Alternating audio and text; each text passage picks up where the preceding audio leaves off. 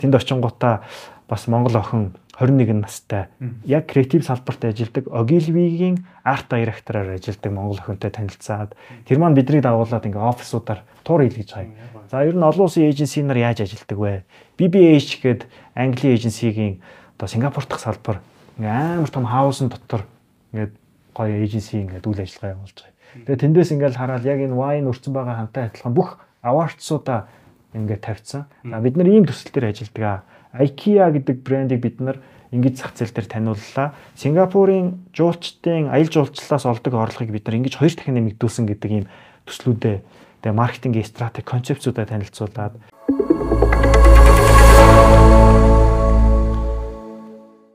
За бүх э, үзэгчд э, сонсогчдоо энэ өдрийн мэнд. Тэгээд э, Тэмүүлийн бит хоёрын хүргэдэг On Time podcast-ийн маань дараагийн дугаар эхлэхэд бэлэн болсон байна.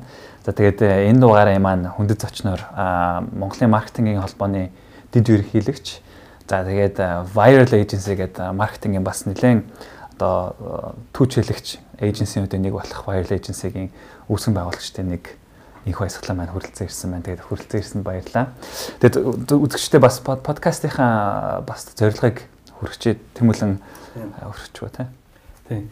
Эм ер нь бидэд яг энэ подкастыг анх хийж эхлэе гэж бодсноос ахуулаад гол зорилго бол нэг ч гэсэн хүнийг ингээд яг одоо C level төрөх ч юм уу өөрийнхөө ямиг хий гэж бодож явж байгаа амбицтай залуучууд зоригоосоо болоод хаяа унах үеийг хардаг.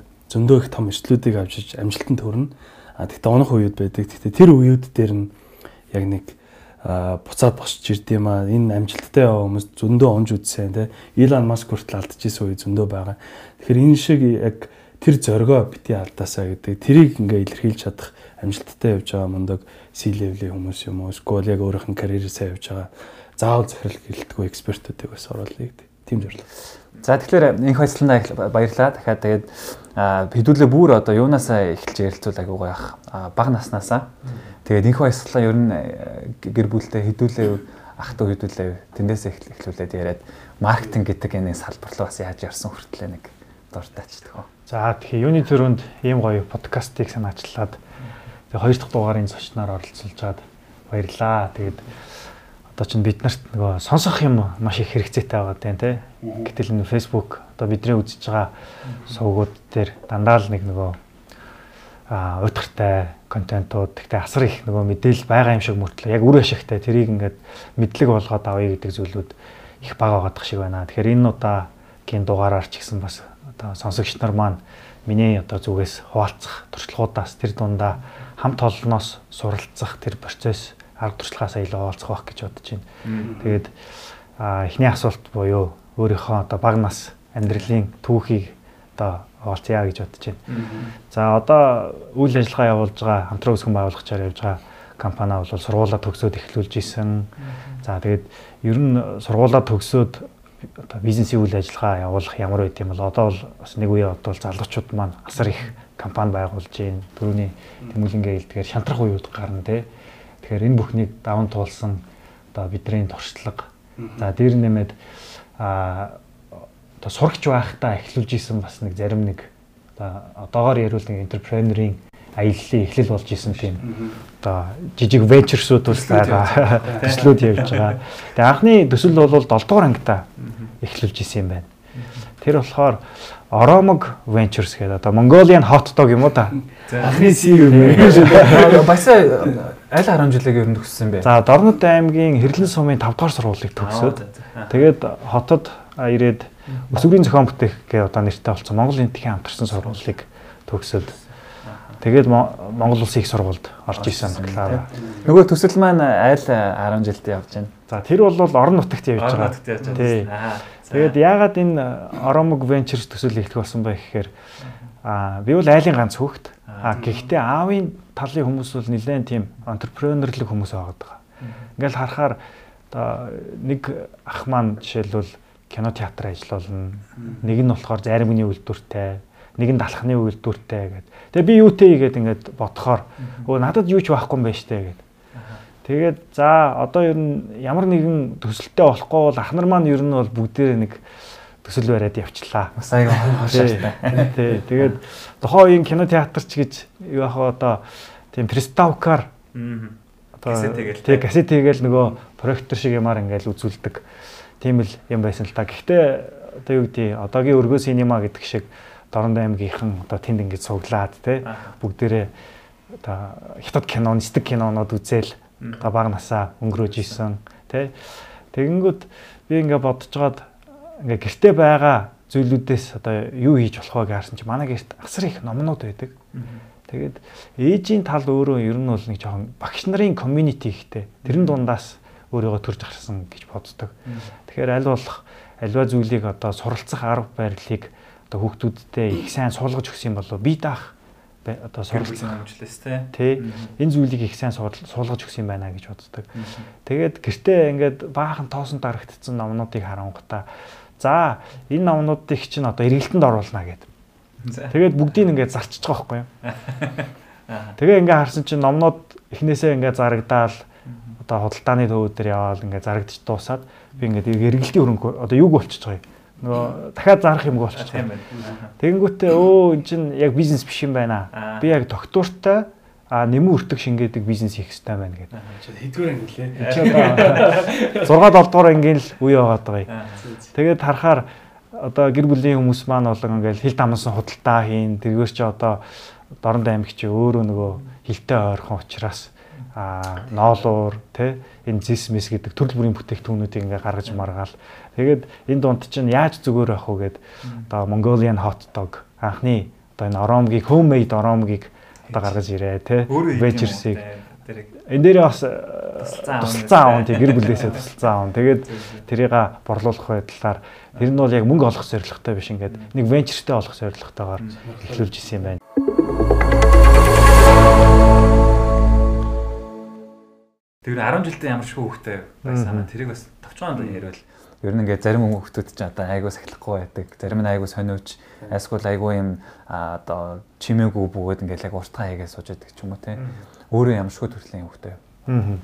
За орон нутгийн сургуулаас хотод шилжиж ирээд За нилээн чанга багшийн гарт орсон. Тэгээд одоо отохнэ тэр багш маань бол одоо бидний lifetime mentor хэлбэрээр яваад яваад байна те.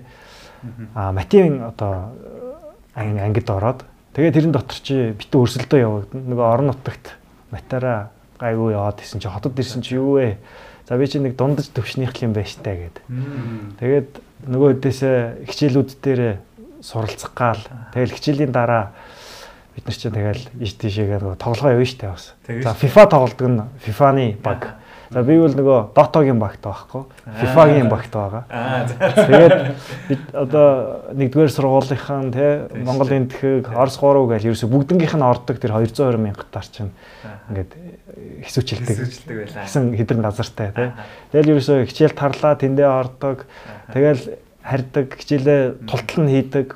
Тэгэл эргээл багш дээрээ маргааш үзүүлдэг, хяналдаг. Нэг тиймэрхүү амьдралын юм баяг явдаг байсан.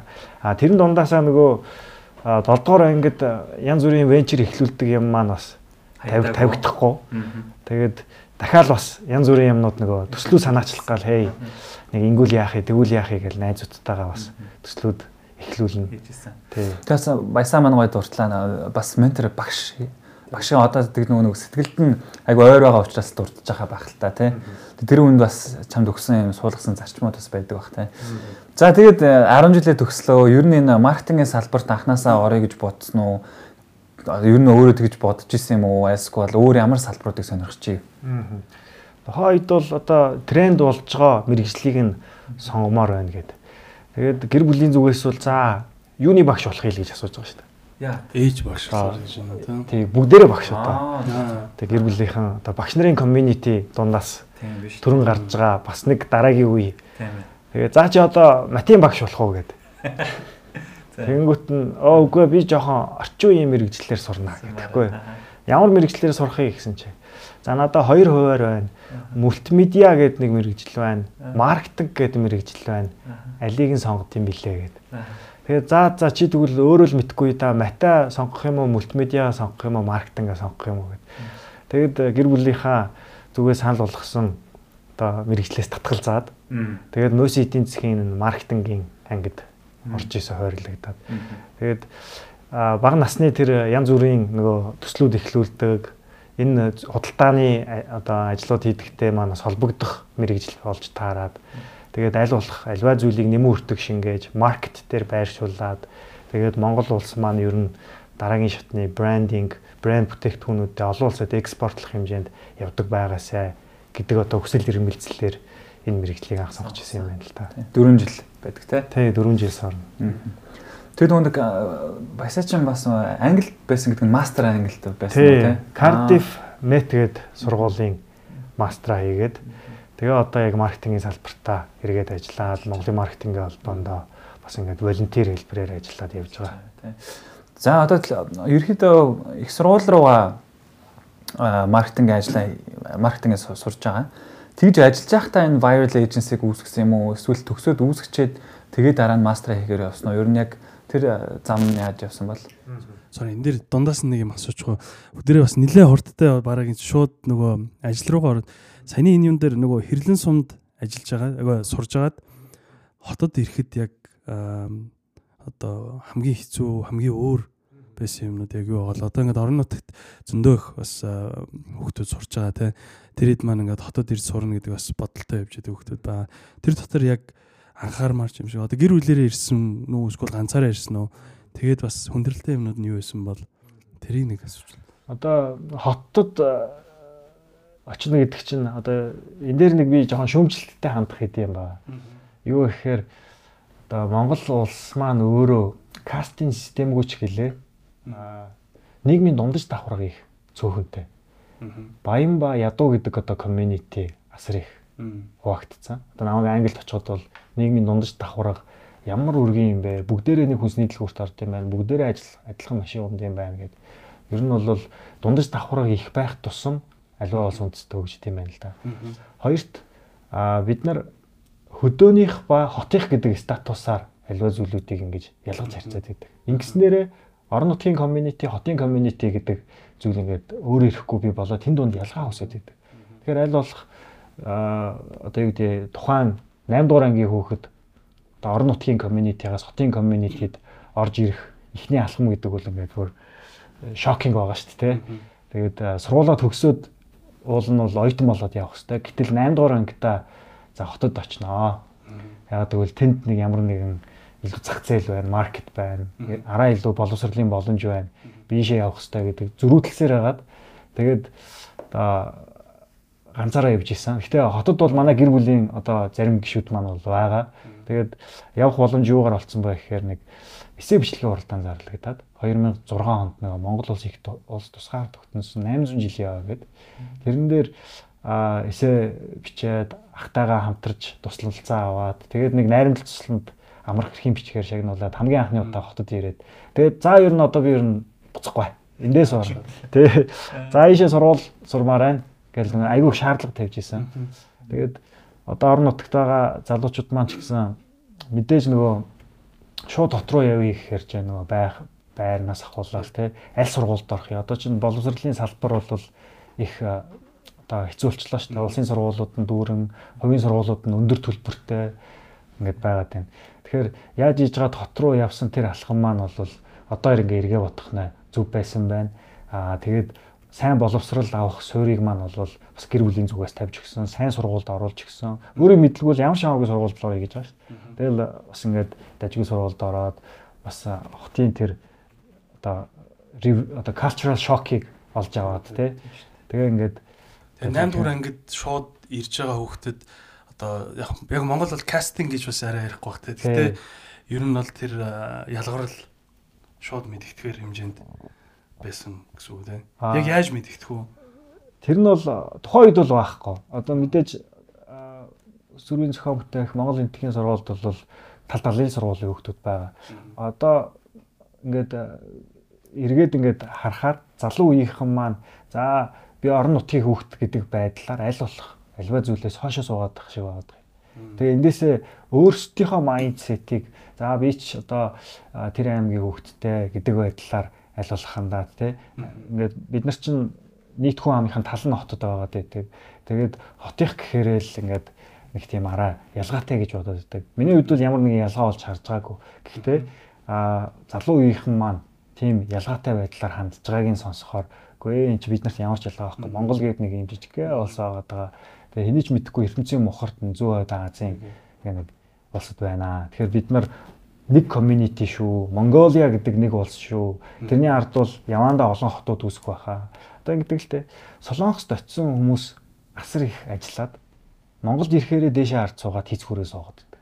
Тэгээд ялгаа нь юу гэхээр тэр солонгосчууд гэдэг community тэр ихтгэл үнэмшил бий болоод ингээд бид нар hard working байх хэвээр өглөө эрт зэрдэг байх хэвээр бид нар дэлхийд брэнд бүтээгч үндэстэн байх хэвээр гэдэг амлалтуудаа тавиад засгийн газрын тэр бүх аймаг сумдынх нь тэр хүүхдүүд нь аль ч одоо сургууль сурдаг байсан хамаагүй те амар working байгаад тийм. Тэгээд одоо Монголд ажиллахаар л бид нар аа Монголд ажил олдохгүй байна гэж хоошоо суухаас илүүтэйгээр Mongolians гэдэг энэ community маань өөрсдөө ингээд талцсан хуваагдах энэ зүйлүүд нь аль болох бага багасаа улс төрийн хүрээнд авч үзэхээр л ингээд намууд гээ хаваагд чинь. Тэгэл иргэдэн ингээд 21 аймагуудтай хаваагд чинь. Тэгээ нутгийн зөвлөл гэдэг зөвлөгөөрөө асар их хүчтэй. Тэр аймгийнхын аймгийнх гэдэг. Одоо бол араа өөр бүчсэн хөгжлийн бодлого модлого гэдэг. Миний бодлоор бол яаж ч хуваагдаж болно. Гэтэ Mongolians гэдэг бид нарт нэг ихтгэл үнэмшил, үндсэн нэг community сэтгэлгээ одоо үүсчих юм бол эндээсээ бид нар суралцаад тасралтгүй дэлхийд гарах дараагийн education-ыг эзэмших боломж нь гарч ирэх болов уу гэж бодоод байна. Окей. Яг би яг энийг асуумаар санагдаад байгаа байхгүй. Яг ингээд одоо орон нутгад байж чаад ингээд ирж чад зөндөө хөлтүүд одоо манай найз нар дунч гисэн ба тэнд яг ийм мэдгэдэггүйц ялгарал гардаг байсан болов. Одоо би жишээл өөрөө яг анх энд сурж байгаад Канадад очиод очиод эхний жил шууд нэг амар ялгарулж исэн байхгүй юу. Нөгөө immigrant гээл те.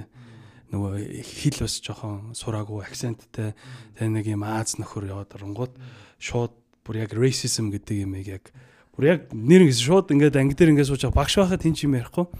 Тэгээ ингээ багш байхгүй болоод тэрнгүү шууд мо immigrant чи энд юу хийж байгаа харалцсан уу маралцсан уу жоох хөөхтөд ч тэ.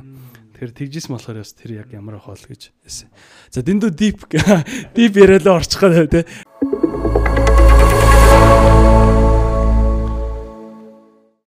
За тэгээд одоо нөгөө хүүхэд насраа энэ насаа бол ер нь айгүй тодорхой ярьлаа гэж бодож байна. Тэгээд дараа чинь нөгөө шат руу орё тийм.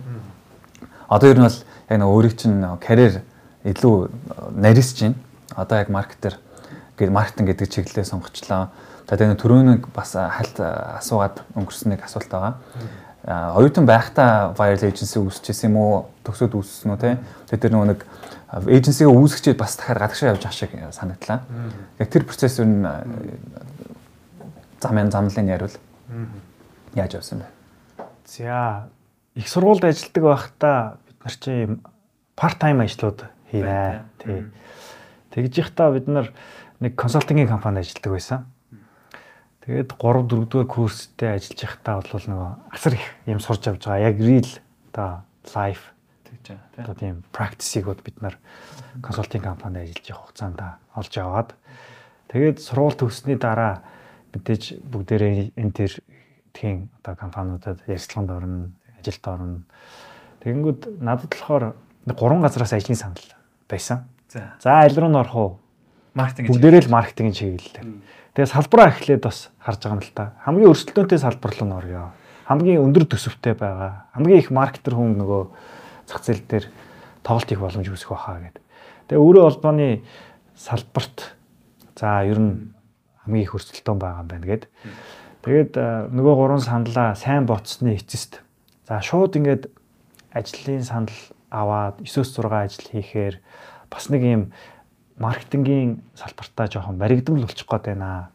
Тэгээ олон улстай энэ эйженси гэдэг зүйл зар сурталчилгааны агентлаг гэдэг зүйл хүчээ аваад байна. Тэгэхээр энэ чиглэлийн компанийг үүсгэн байгуулад найз нөхдөсөө дэмжлэг аваад те хамтраад тэгээд нөгөө олон компаниудаа яг аутсорсинг хэлбэрээр үйлчлэгээ үзүүлээд эйженси калчрыг бид нар Монголд төвжүүлэх хэрэгтэй байна гэдэг анхныхаа үйл ажиллагаа эхлүүлж ирсэн юм аа. Ажилд оролцгүйгээр. Тий, ажилд оролцгүйгээр. За за. Тэр нэг ажиллаж исэн гэсэн компаниуд нь консалтинг гэдэг нь эйженси байсан юм уу? Аа, тэр бол яг бизнес консалтинг, PR сервисийн үйлчлэгээ үзүүлдэг компани байсан. Market Brothers гэдэг. Тэгээд одоо л яг lifetime mentor гэж авч үзэх юм бол тий одоо ингээд 10 жилийн сургуулийн багшаас гадна тий яг тухайн үед бид нарыг оюутан байх хугацаанд майндсетийг нь бэлтжижсэн одоо тухайн компани үүсгэн байгуулагч нар бол байнгын холбоотой үргэлж зөвлөгөө аваад явж байдаг тий. За. За тэгээ viral agency үүсэж байгаа юм байна тий. За тэгээд Монголд одоо тэр чад хэдэн он ярьж байна? За бид нар viral-ыг үүсгэхээс өмнө хэд хэдэн компаниуд одоо үүсгэн байгуулагч нар чинь долоол байгаа шүү. Тэгээд долуулаа нэг нэг төсөл эхлүүлье гэх. Тэрний нэг нь viral байсан. Тэгээ нэг нь бол яг илүү дижитал маркетингийнх, нэг нь илүү creative branding-ийнх, нэг нь зах зээлийн судалгааных гэдэг ингээ олон баг 5 6 7 төслүүд гаргаж ирснээс тэрэн дундаас viral нь 16 онд яг аль биесээр үйл ажиллагаа эхлүүлжсэн. Тэр үртэл бид нар бас араа өөр нэрээр үйл ажиллагаа явуулаад бас бас нэг төсөл нь Creative Partners гэдэг нэртэй компаниар үйл ажиллагаа явуулж хагаад тэрний илүү дизайн суурилсан сервис үзүүлдэг аутсорсингийн компани байсан. Аа зөв зөв. Viral нь болохоор ямар чиглэлээр? Viral бол яг full service advertising agency гэдэг байдлаар явж байгаа. Тэгээ Viral нь дахиад цаашаага а одоо ажиллаж байгаа хүмүүс нь үүсгэн байгуулагч нар нь дахиад дотроос хамтралуудыг үүсгээд дараагийн төслүүдийг санаачлаа явж байгаа. Жишээлбэл Insight Partners гэдэг одоо яг зах зээлийн судалгааны компани, Pixel гэдэг яг production суурьтай agency. За нэг нь бол нийгмийн маркетингийн чиглэлээр үйл ажиллагаа явуулдаг багууд их мэтлээ ингээд салгаа явчихж байгаа. Тэгэл анх агентлаг үүсгэж нэг компани байгуулагч чинь гэсэн үг үстэй тий. Одоо тэгээд нөгөө клиентаа олно. Хаалга тогшин. Хаалга тогшин. Дэ олон компаниудаа agency гэж бүр ойлгоохгүй байгаа шүү дээ. Тэр үед ч юм. Тэгээд маркетингийн үйлчлэгээ авах уу гэхээр одоо үгүй манайх маркетингийн албатай sorry ингээд эйженси бол манай маркетингийн албаны өрсөлдөгчтэй гэдэг байдлаар харна. Гэхдээ эн чинь бол нөгөө танай маркетингийн албаны үйл ажиллагаан дээр спорт болоод орж ирэх юм баг байгаамаа. Аутсорсинг үйлчлэгээ гэдэг. Тэгээд бүхэл консалтингийн салбарт байна л да. За аудитын үйлчлэгээг бол ингээд аутсорсинг хийгээд бол одоо аваас орч байна. Хуулийн үйлчлэгээг бол одоо аваас орчжээ. Одоо хүний нөөцийн салбарт яаж юм те? Танай. Араас яг гой сураал эхэлж байна. Яг нөгөө хүний нөөц гэдэг нь нэг том гэдгээрээ биш дотор нь recruitment тэгээ нөгөө соёлын сайжруулан гэдэг зөндөө олон чиглэлээр байд юм байна гэд тэгээ өөрсдөө яг чадахгүй хэсгүүдийг шууд зөвлөгөө авдаг тий сервисыг бол авч эхлэв. Тийм байна. Яг компани өөрөө айгүй их нөө зардал гаргаад хүнээс нөөц байлгаад байдаг тий. Тэгэд энэ бол нь агентлагууд чинь одоо хүний нөөцч бай, маркетингч бай өөрөө өөртөө ингээд дотроос айгүй их байнгын тэр ажиллаа хийж хөгжиж идэг юм одоо юм онгорхой ийм сайклтай юу байхгүй те одоо хэсэг. Тэгээ тэрийг ойлгохгүйгээр ингээд яг нэг багаа бүрдүүлчихэд ингээд барьчаар ерөөсөө тийм айгүй удаашралтай явчтай юм шиг байна. Тийм учраас юм яг чаддаг хүмүүст нь чаддаг юм хийлгээд одоо тим сервис рүү одоо манайх сурч эхэлж ин л та гэдгийг баясаад урдчих шүү те. Тэр анхны клиентууд бас олоход хэцүү байсан баг л та тий. Тэгээд бас тийм гоё анхны ресепшнээс нь л ер нь тэгэл тийм да. Очиж уулзаал тий. Тэгээд ер нь амжилттай болсон кейсүүд бас тэр чинь хамгийн анхны клиент чинь бас айгүй чинь чамд үн цэнтэй memory байдаг уу? Ер нь тэгж боддог байна. Тий. Одоо хамгийн анх үйл ажиллагаа явуулаад эхэлж байхад бол за Unitel компанитай бол их ойрхон ажилладаг байсан. Өөрөө холбооны салбаруудаасаа. Тэгээ бидний гол одоо хөл дээрээ босох үйл ажиллагааны бас нэгэн хэсэг хамгийн том одоо худалдаа авахч юм уу да тухайн үедээ ийм одоо залуу одоо маркетингийн багийг дэмжиж тэгээ яг нөгөө Intel Group ч бас ингээд гадны culture нэлээд бий болцсон. Тэгээ зах зээл дээр бас яг тесрэлт хийж гарч ирж байгаа үе. Тэгэнгүүт тэрэн дотор бас Intel-ийн маркетингийн баг нь өөрөө бас нэлээд том in house agency-гийн бүрэлдэхүүнтэй ажилдаг. Дээр нь бид нартай ингээд яг тодорхой хэсэг үйлчлэгээнүүд дээр аутсорсинг хийгээд хамтарч ажилладаг байсан. Одоо болохоор бол яг бидний гол клиенттай ажиллах culture-ыг бас бий болгож гисэн юм болоо. Тэгээд 2014 онд бид нар нэг бас нэг найз маань манай Paragon гэдэг клубийн инх бат гэдэг найз маань бас эйженсид ажилладаг байсан. Тэр нь бол Ogilvy-гийн Монгол дахь салбар local agency. Аа тэр үед байсан юм уу? Тийм тухайн үед ч юм байсан. Гадаад захиралтай. Тэгээд найз маань ингээд бичихгүй юу? Ингээд адилхан салбарт ажиллаж байгаа. Манай захирал нэг юм олон улсын юм нэг фестивал байдаг гинэ. Ийшээгээ намайг яваач гэсэн. Хамт явах уу гэд. Тэгээд за окей ямар хөө юм байна гэсэн чинь ингээд Spikes Asia гэдэг фестивал байна. Энд оролцъё гэд. Тэнгүүд онгоцон суух зардлаас хуулаад хотелийн зардал мардал гэд тухайн үед чинь нөгөө хөрөнгө оруулалт шаардлагатай. Тэгээд тэр фестивалд оролцсноороо бол ингээд за ер нь олон улсын Аз номхон талтай орнуудын хамгийн шилдэг эйженси нарын цугларалт болж байгаа дэлхийн баг одоо бүх C-level-ийн creative director-ууд, copywriter-ууд, Японы эдийн засаг тий Австрийн Австралийн Dragify-ийн захирлууд ирж тэн дээр ихтгэл тавиад үзэсгэлэн гаргаад ингээ явдаг. Тэгээ тэр форматад анх очиж ингэж нөгөө agency culture-ыг бид нар бас олж авчнэ гэх. Нүд нээж ин тий. Тийшээ явхад бас гол тусалцаа support үзүүлсэн нь бол Монголын маркетингийн холбоо. Оо за за. Тэгээд Монголын маркетингийн холбоо батлан дагаад ингээд за бид нар ингээд Монголд бас энэ маркетинг креатив салбарыг хөгжүүлэх зорилготой учраас энийг ингээд Монголоос бас ингээ баг явуулъя гэд. Тэгээд явах зардал дээрээ бас хөрөнгө босголт хийгээд IT зоноос, Unitel-ээс, хаан банкнаас бас хүмүүс яваад тэд нар маань бас одоо Incode дээрийн зардлыг ингээд шеэрлээд те бит хоёр өөртөө гайд болоод тэнд очингуудаа бас Монгол охин 21 настай яг креатив салбарт ажилладаг Ogilvy-гийн арт директороор ажилладаг монгол охинтой танилцаад тэр маань биднийг дагуулад ингээ офисуудаар тур хийлгэж байгаа. За ер нь олон улсын эйженси нар яаж ажилладаг вэ? BBH гээд Английн эйженсигийн одоо Сингапур дахь салбар ингээ амар том хаусын дотор ингээ гоё эйженси ингээ үйл ажиллагаа явуулж байгаа. Тэгээ тэндээс ингээл хараад яг энэ wine өрцөн байгаа хамтаа адилхан бүх awardсуудаа ингээ тавьсан. За бид нар ийм төсөл төр ажилладаг. IKEA гэдэг брендийг бид нар ингэж зах зээл дээр таниуллаа. Сингапурын жуулчдын аялал жуулчлалаас олдог орлогыг бид нар ингэж хоёр дахин нэмэгдүүлсэн гэдэг ийм төслүүдээ тэгээ маркетингийн стратеги концепцуудаа танилцуулаад тэгээ тэндээс бид нар эйженси туураас ингээд нэлээ олон мэдээлэл аваад энэ маань маркетингийн холбоон дээр одоо төсөл хэлбэртэй үргэлжлээд бүр үйл ажиллагааг өргөжөөд тэр Канийн одоо хамтран ажилладаг тэр толгой байгууллага болох фестивал руу одоо жил болгон Монголоос багууд явж байна.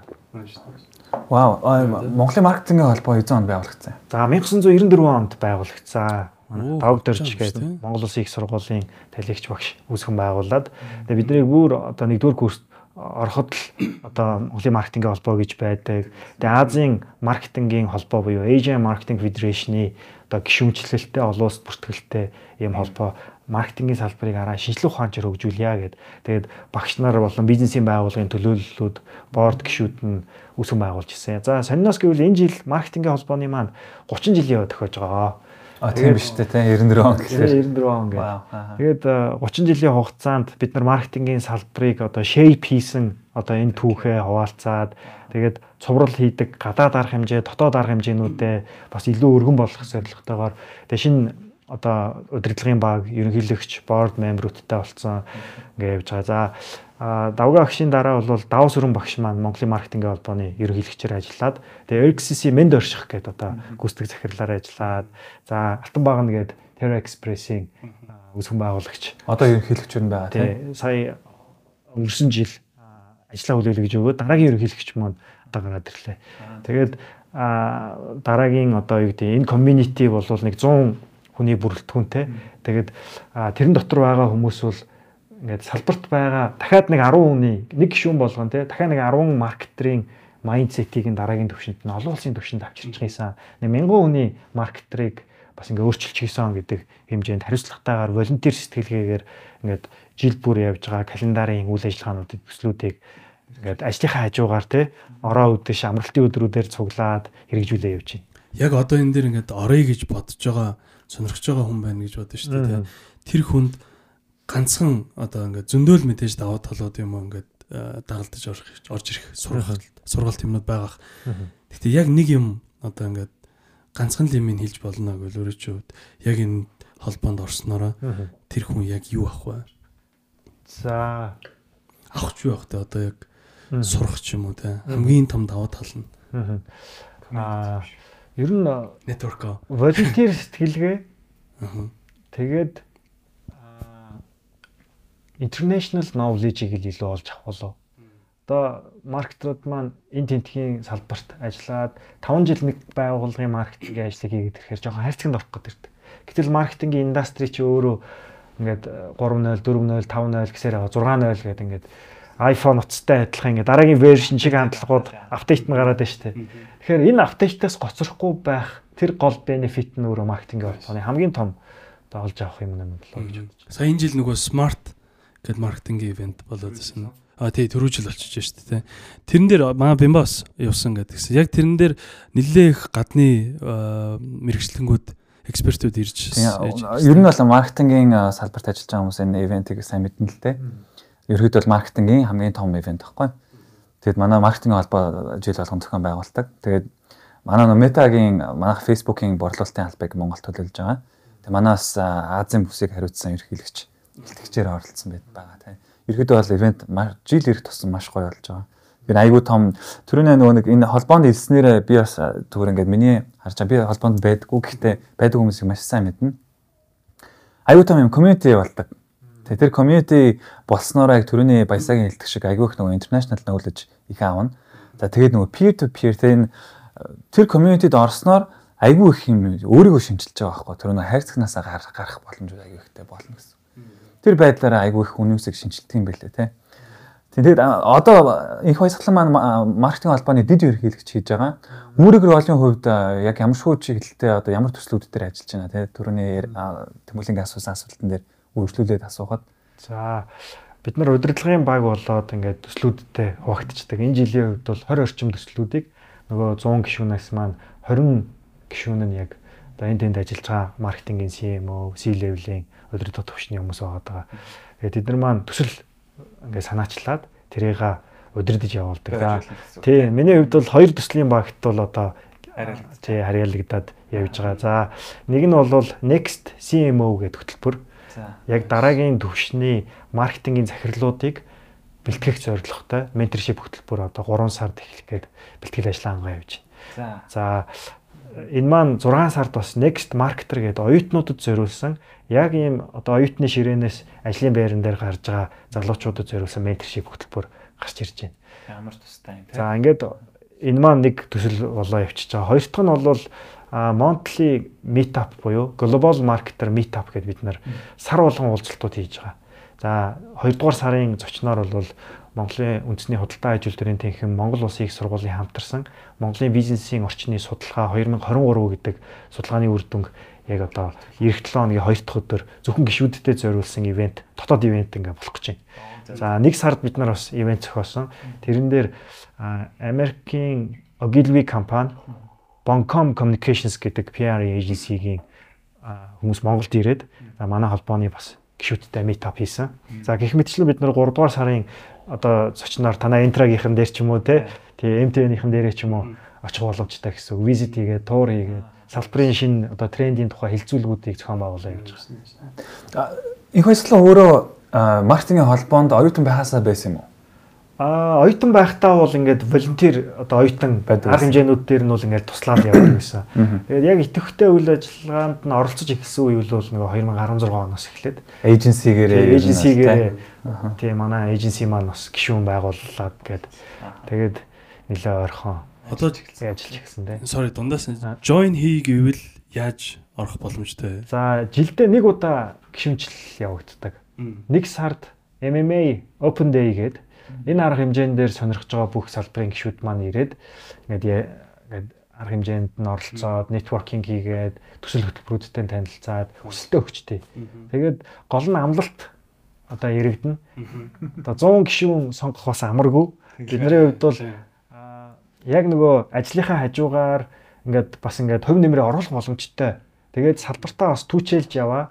Бусаддаа өөрийнхөө ард байгаа 10 юм уу 100 маркетерт үлгэр жишээ ингээд үзүүлчихээр хүмүүс хэрэгтэй байгаа да. Тэгэхээр бол нөгөө NGO-уудад нэг гişүнээр хэлсээд жоохон актив бус байх юм бол бас жоохон хэцүү болчиход байдаг. Тэгэхээр маркетингийн салбарын энэ тасралтгүй өөрчлөгдөж байгаа энэ процесс донд өөрийгөө аваачаал өөрийнхөө артал дахиад 100 маркетрийг бэлдэнэ гэдэг одоо майндсеттэйгээр л гişүн болж орж ирэх шаардлагатай болоод байгаа. Хүсэлтэд илгээгээд тэгээд дотор нь тэгвэл юу болох нь шүү дээ. Аа ярилцлага болно. Төлбөрийн хувьд бол гайгүй 100 сая төгрөгийн л хураамжтай жилийн гişүнчлийн хураамж нь. Аа окей. Хамгийн гол нь амлалт юм байна тий. Тийм байна. Тий. Сонгон шалгаруулалт тэгээд сонгон шалгаруулалт тий. Нэгсэндээ одоо улсын хурлын гişүн сонгодог шиг л одоо та мөрийн хөтөлбөрөө танилцуулна. За миний хувьд бол маркетингийн салбарт ийм өөрчлөлт хий, ийм төсөл хөтөлбөр хэрэгжүүлье. Надад ийм дэд бүтц бололцоо байна. Тэгээд ардаа байгаа дахиад ийм хүмүүсийг сургаж хөгжүүлмээр байна гэдэг гол одоо contribution хэрэгтэй байдаг да. Тэгээд баясагийн хувьд болохоор яг ийм яг л ийм маркетингийн салбарт яг зүрх сэтгэлээ зориулсан юм карьерийн хүн бааз тий. Тэгэд Viral Agency үүссэн 16 онд үүссэн байгаа. За тодорхой хэдэн клиентуудтай ажиллаж байгаа. Чи бас өөрийгөө сайжруулъя. Дахиад сурах хэрэгтэй юм байна гэдэг байдлаар гадагшаа явсан байна. Cardiff-ийн их сургуульд очсон байна тий. Энэ сургууль нь ямар чиглэлээр юм бас ямар чиглэлээр төгссөн байна? Яг маркетинг. Яг MBA MBA чиглэлээр Cardiff Metropolitan гэдэг сургууль. Би өөрөө нөгөө 18 онд их нэртэйгээ хамт манай хүн бас нөгөө Чивнингийн scholarship-ээр яваад тэгээ Wales-ийн одоо хавьд амьдардаг байжгаад тэгээд Cardiff ч нь болохоор яг Wales гэдэг одоо хэсгийнхаа яг нийслэл нь. Тэгээд тэнд одоо амьдарч байхдаа apply хийгээд тэгээд суралцаад явсан да. MBA 1 жил. Тий, 1 жилийн хөтөлбөр. За тэгэнгүүт тэрнийхээ өмнө бас нэг хөтөлбөрт хамрагдаж байгаа. Аа мэрэгсэн маркетингийн хөтөлбөр гэдэг. Англиас CIM буюу одоо нэг санхүүгийн салбарт чинь мэрэгсэн санхүүч, мэрэгсэн нэг CFA гэдэг шиг юм уу те? Аа за. Тэгээ олон улстай хамгийн одоо нэр хүндтэй маркетингийн CIM гэдэг институт байдаг. Тэр нь болохоор баг Английн нэлээд олон ихтэй сургуулиудынхаа маркетингийн хөтөлбөрийг нийлүүлдэг. Тэгээ давхар юм маркетруудыг яг ингэж мэрэгшүүлдэг байгууллага байгаа гэдэг. Тэрэнд нь хамрагдаад за ер нь олон улсын мэрэгсэн маркетингийн зэрэгээ авъя гэдэг байдлаар явж байгаа. Тэрнийхээ дараа MBA илүүгээ apply даад байгаа. А тэр хөтөлбөрийнхөө бас юуг авсан тий? Одоо сертификейшнийг авч байгаа юм байна тий? Сая viral дээр ярьжсэн дээр за 7 найз нийлээд viral-ыг нийчлээ тий. Сая тэгээ дундуур нь явсан юм байна. За тэр хугацаанд нэгт хэр байв. А нөгөө талаас яг viral-ыг нээчээд анхны ажилтнаа авах хүртэл юу болов? Тэ. Тэр тий надад бол ингээд э, анх ингээд бизнес нээхэд надад ингээд ажил өөрийн ажилтнтай болоо л гэл нэг юм амар бахархуушсан мэдрэмж байгаа гэдэг гэсэн байхгүй. Тэгэхээр зөрүүлээд чинь бүр амар том хариуцлага тий. Тэр ажилтны хойно бүтэн гэр бүл нь байгаа. Энэ компани дампуурчвал яах вэ ч юм уу тий. Тэгэхээр яг та хэдийн манайд шууд 7 найз долоолоо нийлээд явсан уу? Шууд хүн авсан уу? А тэгээ хизээ яг за хүн авч болохоор юм байна гэдэг тэр дээр ирсэн бай. Тэр үед чинь бидний нөгөө олон төслүүд байгаа. Долоо найз чинь нөгөө долоон өөр төсөл санаачилсан явж байгаа. Viral partners, insight partners, creative partners, digital partners, media partners гэдэг ингээ баахан уцтай тий. За хэнийхэн төсөл амжилттай явах нь харна гэ. Хоорондоо бас хөөрхө өрсөлдөд байгаа шүү дээ. Тэрэн дундаас яг нэг төсөл нь одоо viral болоод тэгээ viral дээр байсан одоо тэрийг илүү лид хийж байгаа бас нэг хамтран үүсгэн байгуулагч маань бол нэлээд ambitious те. За энэ салбарт одоо яг ийм creativity дутагдаад байна. За би бол одоо ийм бүтээгдэхүүн хөгжүүлж гаргана гэдэг анхныхаа одоо бүтээгдэхүүнүүдийг гаргаад хөгжүүлээ явж исэн. Тэгээ тэрэн дээр одоо томоохон төслүүд дээр санхүүжилт нь орж ирэхээр бид нар аюулгүй болох нөхцөл байдалд бол эхнийхээ аккаунт менежерүүдийг хайр хийгээд хамтарч ажиллаад тэгээд энэ маань одоо өргөжөөд анх эхэлжсэн баг маань одоо 70 орчим хүний бүрэлдэхүүнтэй болцоо явж байгаа юм байна. Юм шүү тий. Хамгийн анхны ажилтнаа яг хэдэн онд авч исэн бэ? За viral дээр бол бид нар IT паркийн засгийн газрын нөгөө үн төлбөргүй офис гарааны бизнесүүдийг дэмжих хөтөлбөрт хамрагдаад тэгээд IT паркийн одоо хөтөлбөрөөр олон ч бас сайн компаниуд маань манай Анридийнхэн тухайд орцсон байсан. Тэгээд очиж бид нэр зөвлөгөө авч байгаа юм. За ер нь яаж ийн офисын дарамт баг болцсон уу гэд. Гэхдээ офисоос гадна айгүй их бенефиттэй байна. Сургалтуудад их хамруулж байна. Яаж тайлангаа гаргах юм? Яаж одоо санхүүгээ удирдах юм? Компани засаглал ямар байх хэвтэй юм гээд. Тэгээ за ер нь бид нар аплай хэрэгтэй байна. Одоо бас ингээд офисын төлбөрөө хөнгөлүүлчих юм бол тэрийг бас дахиад нэг ажилтныг хайр хийх одоо боломж өртөх юм байна. Тэгээ аплайдаад нэг пич мичд ороод тэгээд амжилттай тэр хөтөлбөрөө төгсөөд тухайн үед бол нэлээд боочсон байгаа шүү дээ. Одоо 2 жилийн хугацаанд дөрөв төлбөрөөгөө офис дээр байгаад тэгээд нэг IT паркаас гарахт чинь бараг бид нар 15 болоо болцсон байсан баг шүү. Хоёр дахин олон болцсон байсан юм шүү дээ. Хайс Одоо яг энэ нөгөө үзэж байгаа хүмүүс дотроос өөрөө бизнесээ хий гэж бодож байгаа хүн байвал хийгээ явж байгаа мөртлөө одоо шантарсан ч явж ивэл бас энэ зөвлөгөөнүүдийг амар сайн. Тэгээд яг бизнес эхлэхэд мэдээж яг төрөөс яригддаг. Тэгээд шууд нэг офис бодоод байдаг. Зүгээр гэртээ эхлэх гэж хэлмээр байна. Аа тэгчээд ажилтан гингүүд зүгээр нэг яг ажлын цалингаа боддог. Тэгэхэд хойно бас зөндөө татвар явагдчихэдэг тий. Тэгээд саяны хэлж байгаа татварын зөвлөгөө амар ашигтай ажиллаж чинь гэж бодож итэл гинтл нэг өдөр нөгөө байц агшигч маань ороод ирдэг те.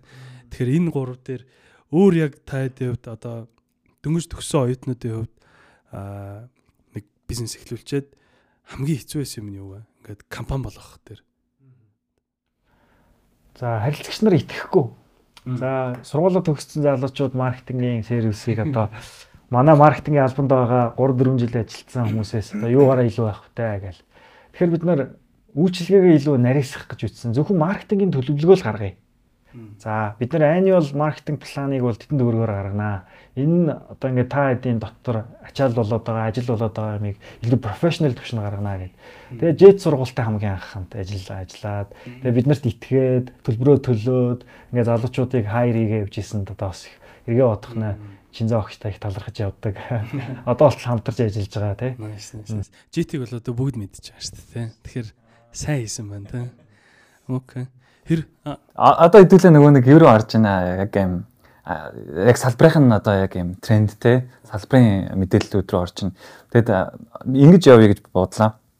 Баясаа минь одоо ер нь ингээ маркетинг эйженси эхлүүллээ тий. Монголын маань маркетинг эйженсигийн боожлт хэр сайн явж байна тий. За олон улс чи түрүүн ярьсан ингээд бас гадагшаа дотгошоо ингээд маркетингийн одоо чиглэлээр янз бүрийн одоо сургалтын хамрагдаад явлаа энэ маркетингийн одоо трендүүд маань олон улс ингэж явж байна. Тэгэхэд Монгол одоо хэр тэрнтэй нийцж явж байна. Одоо миний зүгээр харснаар бол ингээд Монгол улс маань яг илүү юм creative branding талдаа илүү их ингээд фокуслаад бас бусад хэсгээ ингээд жоо хосрууд хоцордуулаад хайцсан юм шиг надад анзаарагдаад байдаг. Тэрнээс биш маркетинг чинь бас ингээд зөндөө олон цогц салбар учраас тэн дээр ярих юм их байгаа. Тэгэхээр тэр маркетинг эйженси яг ямар бүтцтэй одоо зөв явж гинөө Монголд явж чадчихэв үү цаашаа юугийн зас залруулах уу гэдэг тал дээр өөрийнхөө туршлагаас аваалтаад яриач. Бас яг манай клиентийн одоо асуудаг асуулт шиг байна. Шууд зөвлөгөө өгөө. Jet дээр чинь бас ингээд ажиллаж байхад манай алтан сар захирал тухайд гүйцэтгэх захирал нь тий. Тэгээд за одоо нөгөө уламжлалт байгаа үйл ажиллагаагаа бид нар ингээд шинэлэг төвшөнд аваач. Яа маркетингийн тренд ер нь хаашаа байна вэ гэд. Тэгээд 12 онд чинь ингээд хамтын ажиллагаанууд эхлүүлээд кампайн ивент зохион байгуулад эсэлтийн үйл ажиллагаа, PR activity хөтөлбөрүүд ингээд явуулжсэн.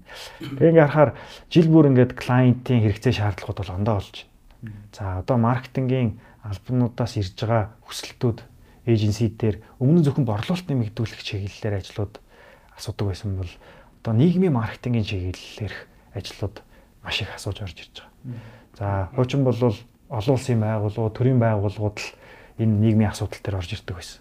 Жишээлбэл одоо энэ цас цудан хүмүүс боогдоод одоо ингээ асуудалтай байна. Энэ бол одоо тэгэл онцгой байдлынхны асуудалчтай гэдэг бол энэ сэтгэлгээ өөрчлөгдөж. Эсвэл одоо цахимаар мөнгө алдаад байгаагийн энэ одоо нийгмийн асуудал бол цагдаагийн ерхий газар л ингээл шийднэ үсттэй гэдэг сэтгэлгээ өөрчлөгдөөд нийгмийн бүх гишүүдийн оролцоо гэдэг зүйл одоо нэлээд яригдж эхэлж байна. Аа маркетингийн албан дээр хүртэл одоо зөвхөн борлуулалтын хэмжээнд ажлууд, таскууд орж ирээд тэгээд танаа маркетингийн баг хідэн ширхэг бүтээгдэхүүн үзэг усундаа зарсан бай, хэдэн ширхэг байр зарсан бай гэдэг метриксээр ажлыг үнэлдэг байсан бол одоо нийгэмдээ ямар баялаг бүтээсэн юм бэ? Гурван хүнтэй компани одоо нийгмийн одоо баялагийг өсгөх үү, 3 сая хүн амтай нийгмийн баялагийг өсгөх үү гэдэг дээр маркетрууд маань, маркетингийн албанууд маань нэлээд анхаарал хандуулж байна.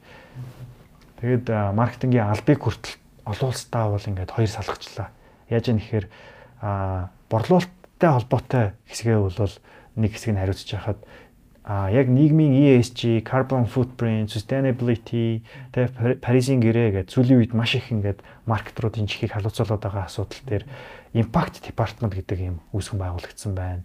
Chief impact officer гэдэг бүр ингээд олон нийтийн чиглэлээр ажиллаж исэн туршлагатай хүмүүсийг тавьж. Одоо Английн а хунтаж Prince Harry жишээлбэл Silicon Valley-д хийсэн хөрөнгө оруулалт хийсэн компанийхаа Chief Impact Officer-аар ажиллаж байгаа юм байна л да. Тэгээд харахаар бол одоо бид нар дахиад дараагийн төвшөндөө гарах цаг үеийн ирээд тах шиг байна. Тийм байна. Энэ одоо яг нэг тренд байгаа даа л да. Ерхийдөө бол ус орнууд бүгд ер нь хөгжөөд за сошиал медиа болон бүх юм интернет айгуу нээлттэй болсон үед хүмүүс мэдээлэл авахтаа айгуу их удаан авч байгаа учраас нийгмийн хэцүү байгаа нөхцөл байдлуудыг ер нь айгүй хурцтай аваад тэгээд одоо бизнесүүдээсээ тим юмыг эргээд нэгч байгаа байхгүй юу? Одоо хариуцлага нэгч гэсэн үг ч тийм. Тэнгүүд яг баясагийн хэлдэг шиг ESG юу нэ хаана байна танаа тийм. Тэр нь илүү хүмүүст бүрээд байгаа учраас ийм маркетинг хийх шаардлагатай болоод байгаа юм байл л тийм. Энэ бол яг яалтч байхгүй тренд мөн. Тэгээд бас яг ингэж ийм маркаар ажиллаж байгаа Монгол байгууллагууд одоо эхэлсэн юм байна тийм миний ойлгосноор. Тий. Одоо бизнесийн байгууллагууд чи өмнө нэг төрийн бас байгууллагын ажил дээр нэг жоохон мөнгө өгөөд хамтран ажиллажээ. Тэр яга жилийн annual report-онд айгүй том маш том хийсэн ажил болгоол манайх энэ төвийн бас байгууллагатай нийгмийн хариуцлагын хүрээнд хамтарсан шүү дээ. Нийгэмдээ айгүй хэм хийцэн гэд явдаг байсан бол одоо real impact гаргахын тулд өөрсдөө ингээд ажил төсөл хөтөлбөрөөр санаачилж байна. За манай харилцагч Апу компанийн хувьд бол бид нар хамтарч соёлоор гоёно гэдэг нэртэй хөтөлбөрийг эхлүүлээд тэгээд а энэ маань бол бас соёлын яамнаас зохион байгуулдаг мөнгөн мод авартсыг аваад оны шилдэг компанид ажиллаар шалгарч исэн. Дараа нь бид нараас Canning фестивал руу кейс стадигаа явуулсан. Одоохондоо бол арай байр эзлээгүй байна. Тэгээд дараа дараагийн ажлууд маань бол бас дахиад аплайд нэ гэж бодоод байгаа. Тэглгүй яах вэ?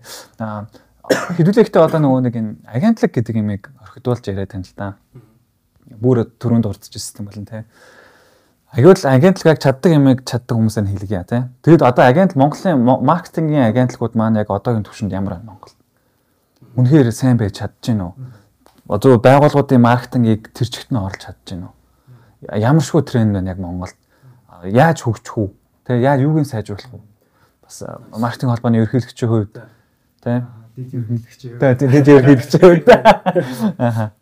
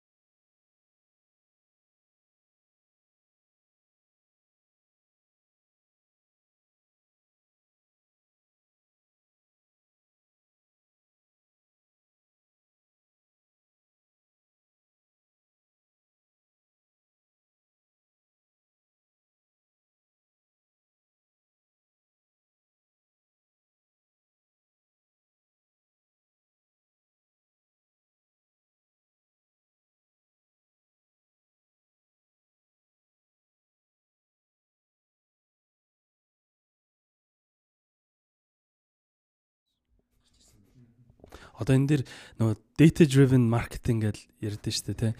Тэгээ энэ дэр би бол амар дуртай байдаг байхгүй яг data driven гэдэг. Гэхдээ энэ дэр би одоо яг өөрийнхөө маркетинг ахлагтаа бас ярьдаг. Аа хоёлоо л энийг ярий. А тэгвэл нөгөө маркетинг ч өөр креатив байх хэрэгтэй байхад яг төрөний хэлдгээр амар өндөр тоо тавьчих юм бол нөгөө чанар нь байхгүй болоо зүгээр л ингээл подкастуудыг одоо шил ингээл энэ подкастыг яг чанар дээр анхаарахгүй зүгээр л 30 подкаст хий гэдэг юу өгчих юм бол яг саяны алдаа гарч ирэх юм байна. Тэгэхээр энэ дээр яг энэ data driven-ыг амар сайн анхааралтай захирлууд харах амар зөв point. Би одоо яг энэ рүү л оруулах гэдэг юм л да байсаг. Тэгээд яг нэг маркетингийн эйженсинүүд одоо яг энэ хэсгүүд дээр ингээд жоохон дутаад байгаа юм уу те. Одоо юу гэдэг дижитал маркетинг гэдэг хэсэг яг Монголд одоо хөгжсөн байна уугүй юу гэдэг ингээд харахаар яг үнэхээр яг тэр нөө чи хэлжсэн түрүү жижигэн жижигэн хэсгүүдээр ингээд аваад хариуцлаад хөгжүүлж чинь гэсэн шүү дээ. Яг ийм одоо ийм орчин үед AI хөгжсөн, generative AI тий одоо баг copyright бичихээ боллоо шүү дээ. Ийм үед дээр дижитал ингээд датагаа харж чаддаг. За тэгээд дижитал сувгууд болох цаа social media SEO SEO тэгээ энэ энэ бүгдийг харж чаддаг эднүс хаана явж байна гэдгийг би одоо баясаас бас тодруулмаар байгаа байхгүй тий. Тэгээд агентлагууд энэ дээр үнэхээр чадвар чадвар нь дутцсан байна уу эсвэл яг энэ дээрээ сайжруулах хэрэгтэй юу? Тэгээд full scale маркетинг яг яаж хийх юм те гэдэг ч юм уу. Тий. Олон улсынхаа яг явж байгаа чинь гэдэг ч юм уу. Тийм чиглэлээр. одоо энэ IMC гэдэг ойлголт байгаа. Одоо хитрхи академик юм болчих үү дээ тий. За ерөнхий ойлголт юм аа. Integrated Marketing Communications гэдэг. Тэр 11 үе шаттай хэрэглэгчийн шийдвэр гаргалтыг өөрчлөх процесс болгон дээр за дижитал бол зөвхөн энэ сегментэд зориулагдсан энэ зам төлөвийг өөрчлөх а уламжлалт медиа нь энэ дээр нь ажиллана. Öөвөө чинь энэ дээр нь ажиллах. PR, word of mouth нь энэ дээр нь ажиллах юм аа. Энийний дараа одоо зорилтод бүлэгтээ бид нар хүрсэн зөв зам төлөвийг өөрчлөх чиглэлийн decision making-ийг өөрчлөх чиглэлийн ажлууд явуулж чадна гэдэг. Гэтэл одоо энэ IMC-гийн framework-ыг ашиглаж маркетингийн төлөвлөгөөгөө гаргахгүй байгаа учраас бид нар эргээд үр дүнгээ хэмжихэд хэцүү болцсон. Зөвхөн контентын тоог тэдэн мянган хүнд хүрснээр нь одоо хэмжээл. За гэтэл нөгөө борлуулалтанд импакт үзүүлж гин нөө нийгэмдээ эерэг нөлөөтэй байсан уу гэдэг юмнуудаа ингээ харж чадахгүй байгаа. Тэгэхээр энэ датаны хувьд авч үзэхээр нэг сонирхолтой кейс ярил л да. Энэ Америкт байгаа хүмүүсийн нэг хэсэг бүлэг хүмүүс нь ерөөсөө кар сит хэрэглэхгүй байсан юм байна аав ээжүүд нь ерөөсөө хүүхдтэй кар сит авч өгдөггүй. Тэгээд яг ямар сегментийн хүмүүс байна гэдгийг нь судлаа судлуулахаар нэг эйженси хөнслөөд харсан чинь Хиспаник буюу энэ нөгөө Латин Америкийн гаралтай бүлэг ерөөсөө огт кар сит хэрэглэхгүй байгааг нь нотолж харуулсан юм байна л да. За тэгвэл таргета бид нар олчлоо. Одоо эднэр лөө чиглэсэн гол PR ажлууд явуулъя. Контент хийх үү? Эсвэл айлгах уу? Одоо ингээл баахан ингээл нөгөө машины осол мосолтой холбоотой юм үзүүлэх үү? Яаж энэ хүмүүсийн майндсетийг өөрчлөх үү? гэх ингээд бодож үзэж хагаад дахиад Билл Смит гэдэг одоо хүнтэй хамтарч ажиллаад гол барьерийг нь олсон юм байна л да. Тэр нь нөгөө Hispanic community маань хүүхдийн амь нас бурхны гарт байгаа гэдэгт итгэдэг байж л дээ. Тэгээд бурхны гарт байгаа учраас бид нар ингээ машин бариа явж хахад хүүхдүүд зүгээр машин дотор ингээл тоглоо явж хахын зүйтэй гэж үздэг. Тэгвэл энэ одоо барьер дээр нь ямар маркетингийн үйл ажиллагаа зохион байгуулах уу гэдэг одоо юу гэдэг сар 60 контент эсвэл айлгын гудамжинд ийм үлгэн гэдэг юмнууд ярихгүй байгаа. Бид нэр сүмийн пасторуудтай хамтарч ажиллаад инфлюенсерүүд нь сүмийн пасторууд болж таарж байгаа байхгүй. Тэгээд NGO-үүдтэй хамтарч ажиллаад илүү шашны ихтгэл үнэмшил дээр нь тулгуурласан энэ барьерийг нь өөрчлөх юм байна. А сүмийн пастрын 10 найлсан хүүхдийн кар сит гаргасан. Аа за за. Ямар шинжлэх ухааны үндэслэл үндэслэл байхгүй л те. Тэрийг одоо 10 найлсан байлаа одоо пастор ном уншсан байлаа гэх тэр кар сит нь хүн аврах гэдэг юм биш. А гэхдээ энэнд нь тухайн зорилттой бүлгийнх нь хүмүүс итгээд 10 дахин борлуулалт мөссөн байт кар ситний хэрэглээ. Гэдэгтэй адилхан зөв дата таргетаа болоод тэднэрт зориулсан зөв мессеж явуулаад IMC фреймворкийн дагуу зөв акц явуулж чадах юм бол бид нар хэрэглэгчийн шийдвэр гаргалтыг өөрчлөх боломжтой болов. Тэгэхээр олон эйженсинууд байгаа одоо бол дөнгөж хөгжлийнхоо нэг эхний үе шатанд явж байгаа бах. Монголд одоо энэ чөлөөт эдийн засгийн нийгэм чинь нэг 10 одоо юу гэдэг 30 жил болоод эйженсинууд үүсч хөгжөөд нэг 10 орчим жилийн л настай байгаад байна. Тэгэхээр энэ дэлхийн бусад өндөр хөгжилтэй орнуудтай адилхан одоо олон улсын эйженсинууд Монголд орж ирэх байх гэж боддог.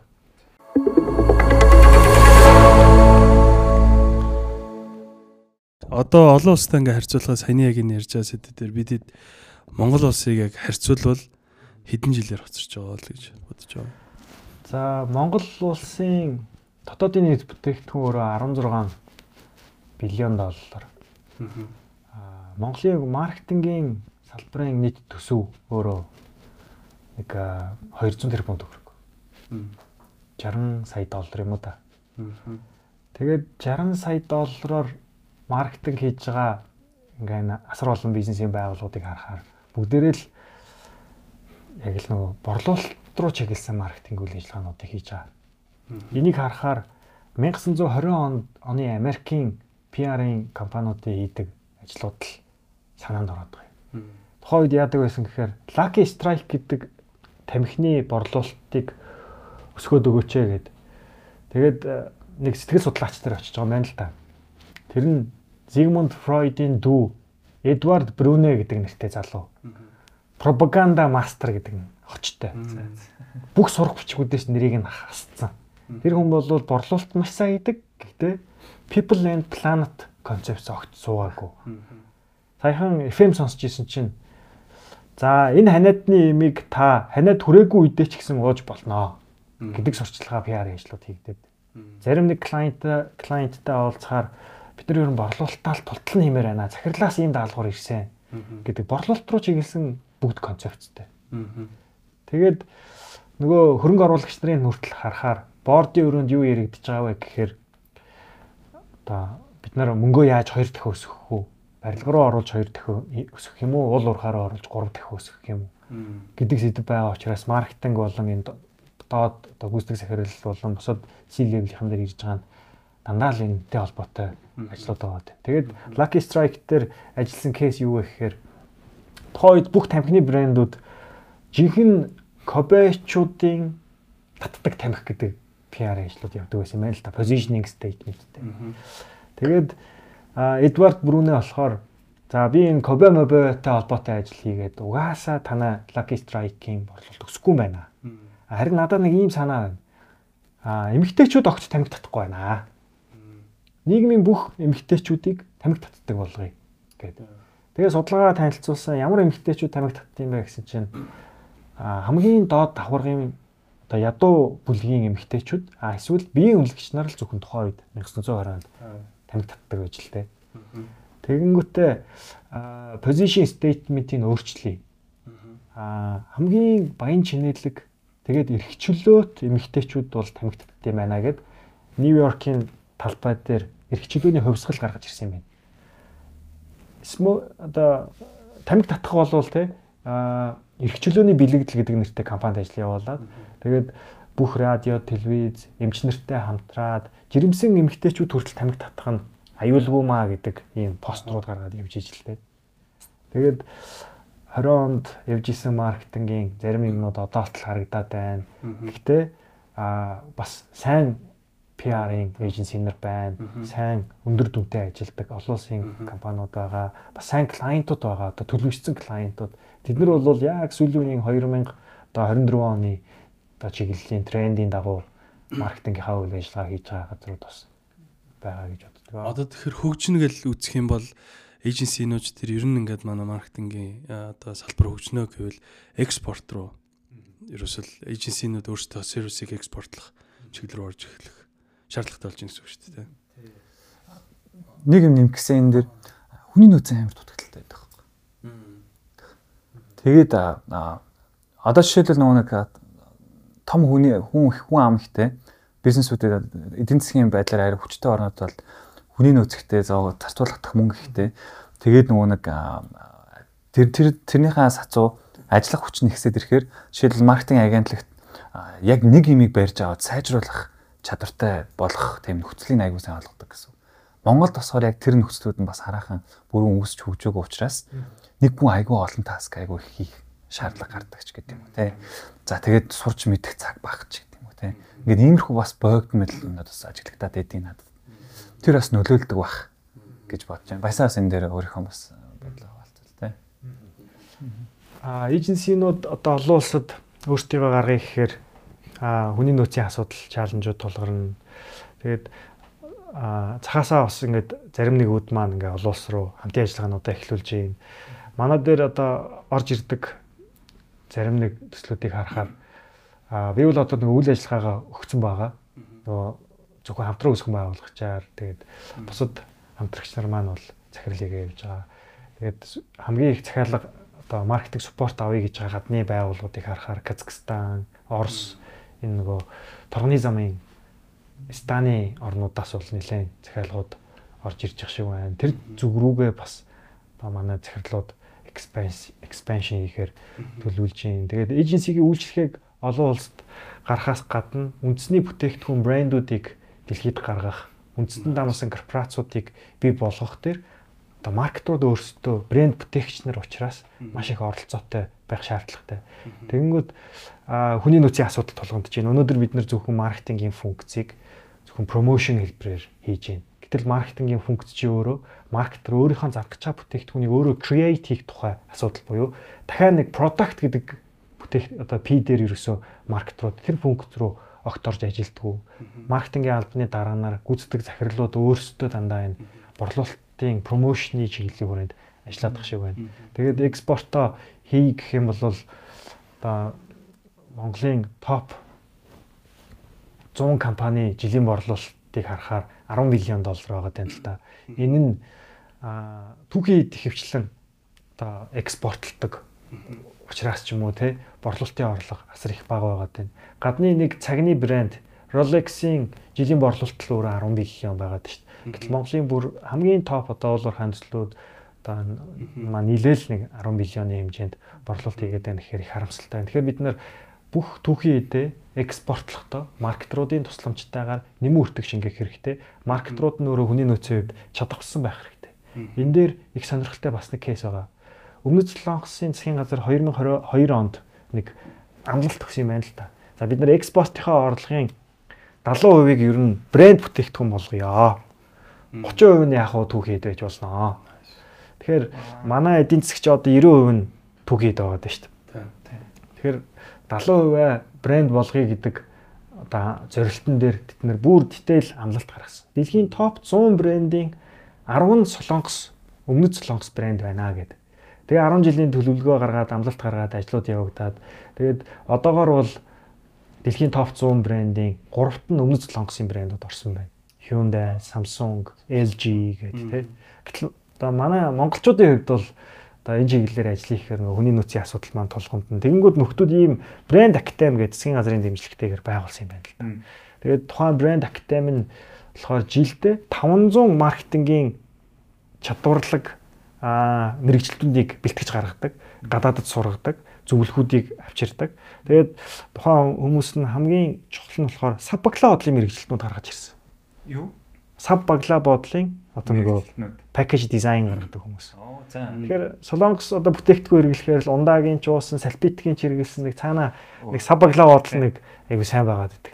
Тэгэхээр бүтээгдэхүүн хөгжүүл сав баглаа бодлыг бол засгийн газрын дэмжлэгтэйгээр чадварлаг дизайнеруудыг пакэж дизайнеруудыг бид нар гаргаж иргэсэн ийм сайн туршлага байгаа юм. Бараг Монголын маркетингийн холбооны ер нь бол нэг юм юу харагдаад байгаа юм шиг блупринттэй. Блупринт байна те. Тэгээ тодорхой хэмжээнд бас ялч нөгөө төр зэсгээс бас тусламж гэдэг юм.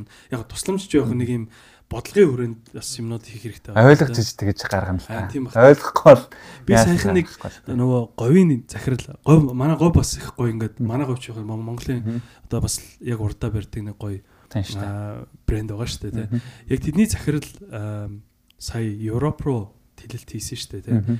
Тэрэн дээрээ гарч ирээд нэг ярилцлага өгсөн байсан. Тэрэн дээр бид хэд маркетингда бүр нүсэр их хэмжээний мөнгө зарцуулж байна.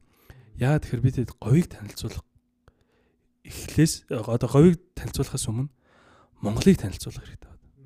Бүр тэр хэмжээнд одоо тийм болохоор говь гэдэг ингээд нэг брэнд хийж хинч тоохгүй байгаа болохоор Монголыг танилцуулахын тулд би яг дүнгийн санахгүй нэлээд хэдэн сая доллар бид зүгээр л Монголыг танилцуулах дээр зарцууллаа.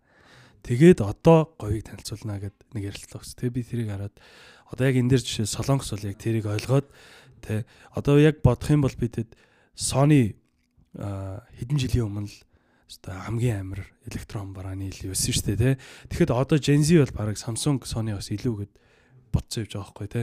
Тэр тэр бас амар гоё улсын бодлого гэдэг юм л тэр л юм байна гэж харж байна. Тэгэхээр одоо топ 100 аж ахуй нэгжээсээ бид нар ядаж нэг Netflix шиг одоо 30 хэдэн биллион долларын борлуулалттай компани. Samsung шиг одоо 200 биллион долларын борлуулалттай биш юм а гэхэд Rolex шиг нэг 10 биллион долларын экспорт хийдэг, борлуулалт хийдэг. Дэлхийн зах зээл дээр 7 тэрбум хүнтэй маркет дээр ажилладаг үндэсний компанийг олон улстай гаргах нь нэлээд чухал байгаа. Тэгэхгүй бол одоо футболкны түүхий хэд чинь одоо түүхийд байхдаа 1 доллар.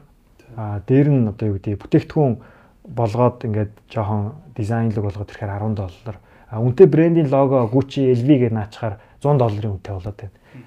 Тэгээд энэ процесс дээр брэнд бүтээх процесс дээр маркетрууд орж ирээд одоо байгаа энэ том компаниудын экспортлж байгаа энэ бүтээгдэхүүнийг нэмэн үртэг шингээх үйлс хамтдаа оролцоод явах нь чухал юм болов. Гоё. За хэдүүлээ бас аягүй гой гой сэдвүүдийг хөндөж ярилцлаа. Тэгээд подкастын маань 2 дугаар хэсэг рүү орж байна. Манай подкаст маань Бако буюу одоо Италиас премиум вайнууд оруулж ирж байгаа. За тэгээд коктейлийг яг мэрэгжлийн өндөр түвшинд хийж байгаа юм гоё газраас сурж байгаа. Тэгээд та доотлолт бас линк нь байгаа ороод үйлчлүүлээрэй. За тэгээд хэдүүлээ 2 дугаар хэсэг маань юу руу чиглэх вэ гэхээр За энэ олон их ажлын дондор баясаа маань өөрийгөө яаж өрн цэнгэлж байна. За тэгээд маркетер хүний хувьд бас юм нэг юм open mind буюу за энэ юм болгоныг юм сониуж байх байдлаа алдахгүй байх ёстой. Тэгжиж нөгөө нэг updated байна. Тэ. Тэгээ тэр болгон дээр яаж цаг гаргаж ийна. Тэгээд одоо ингээд яаж хайрцаг хайрцагтахгүй байж ийна гэдэг чиглэл дээр ажлууд work life balance руу хэдүүл орж байна. Тэрэн дээр бас чи өөрийнхөө ер нь одоо өдөр тутмын ажлуудаа яаж ер нь зохицуулж чинь өөртөө яаж цаг гаргаж чинь ямар шүү хобби байж чинь гэдгээ хуваалцаач. Яг суралцах орчныг бол гурван төрлийн усүрээс их аваад байгаа санагдаж байна л та. За нэгт бол шинэ хүмүүстэй их уулзж байна. Монголд байгаа одоо ажил мэргэжлийн онцлогоос шалтгаалаад юм уу? Ийм бизнесийн лидерүүдтэй уулзаж тулгамдж байгаа чаленж тэрийг яаж шийдвэрлэх дээр ингээд хамтарч ажил ажиллана. Тэгээ явж яхад бол а Монголд ингээд яг ингээд бүр тэгээс нь эхлээд тэр бомтон болсон олон бизнесийн лидерүүдийн майндсет гэдэг бол үнэхээр ондоо тэд нар бол нэг ном уншсанаас те баг нэг 5 минут ярихад л баг ингээд тархины лок арилгаар хэмжээнд бол ингээд очдог. Жишээлбэл сүүлд уулзсан одоо хоёр клиентийн жишээг ярил л та. За эхний харилцагч маань бол а ер нь өөрийнхөө тулгамдж байгаа асуудлыг аюул сайн тодорхойлцсон. За надад ийм Монголын логистикийн бизнес ерөөсөө таалагдахгүй байна. Энэ индастрийг би өөрчилмөр байна. Таны хэрэгжилж байгаа бүх бүтээгдэхүүний 20% нь энэ тээврийн зардал шингэсэн байгаа. Олон улстай энэ 7% байдаг бол Монголд 15-аас 20% байна. Бид нар асар үнэтэй импортын бүтээгдэхүүн хэрэгжилж байна. Тэгээд энэ далаад гарцгүй учраас дээр нь ингээд тээврийн чиглэлийн компаниуд дэд бүтцэн ингээд жигдрээгүй байгаа учраас бид нар ингээд Монгол хэрэглэгч өөрөө цалингийнхаа дийлэн хувийг энэ импортын бүтээгдэхүүн тээврийн зардалд ингээ алдаад байгаа учраас манай компани эрхэм зорилго бол үнийг 7% болгох хэрэгтэй байна гэд индастри чаленжийнхаа хүрээнд өөрийнхөө бизнесийг ингээ тайлбарлаж байгаанууд нь бол үнэхээр одоо залуу мэрэгжилтүүдийн хувьд бол ингээд суралцах бас нэг шинэ гүүрэн болж байдаг. За хоёр дахь жишээ гэх юм бол а үйл хөдлөлийн салбарт ажилладаг бас нэг харилцагч маань хэлж яана л да. А биднэрт бол ийм чаленж өгж байгаа. За 100 тэрбумын бэлэн бүтээгдэхүүн байна. Энийг та нар хэдийн борлуулж чадах вэ гэдэг. Тэгэхээр ихэнх юу гэдэг те нөгөө хүмүүсийн хувьд бол за бид нар яг энэ бүтээгдэхүүнийг ингээд ингээд зарчмаар байна гэдэг ерөнхийдөө нэлээд дитейл яриа ярьдаг бол зарим нэг бизнесийн лидерүүд бол яг нэг алсын хараатай тэгээд нэг төслийнхөө хүрээнд хийж байгаа ажлуудаа маш сонирхолтой байдлаар клиент брифи өгч чаддаг. За бриф яаж өгөх процессоос эхлээд ер нь бол суралцах орчин индастрийг судлах орчин үүсч чиглэдэг. Тэгээ ирсэн брифийн дагуу манай эйженси салбарт ажиллаж байгаа бүх хүмүүс судалгаагаа хийгээд за энэ чаленжийг бид нар ийм даван туулах ийм консалтингийн ийм одоо кампайны санал өгье гэд.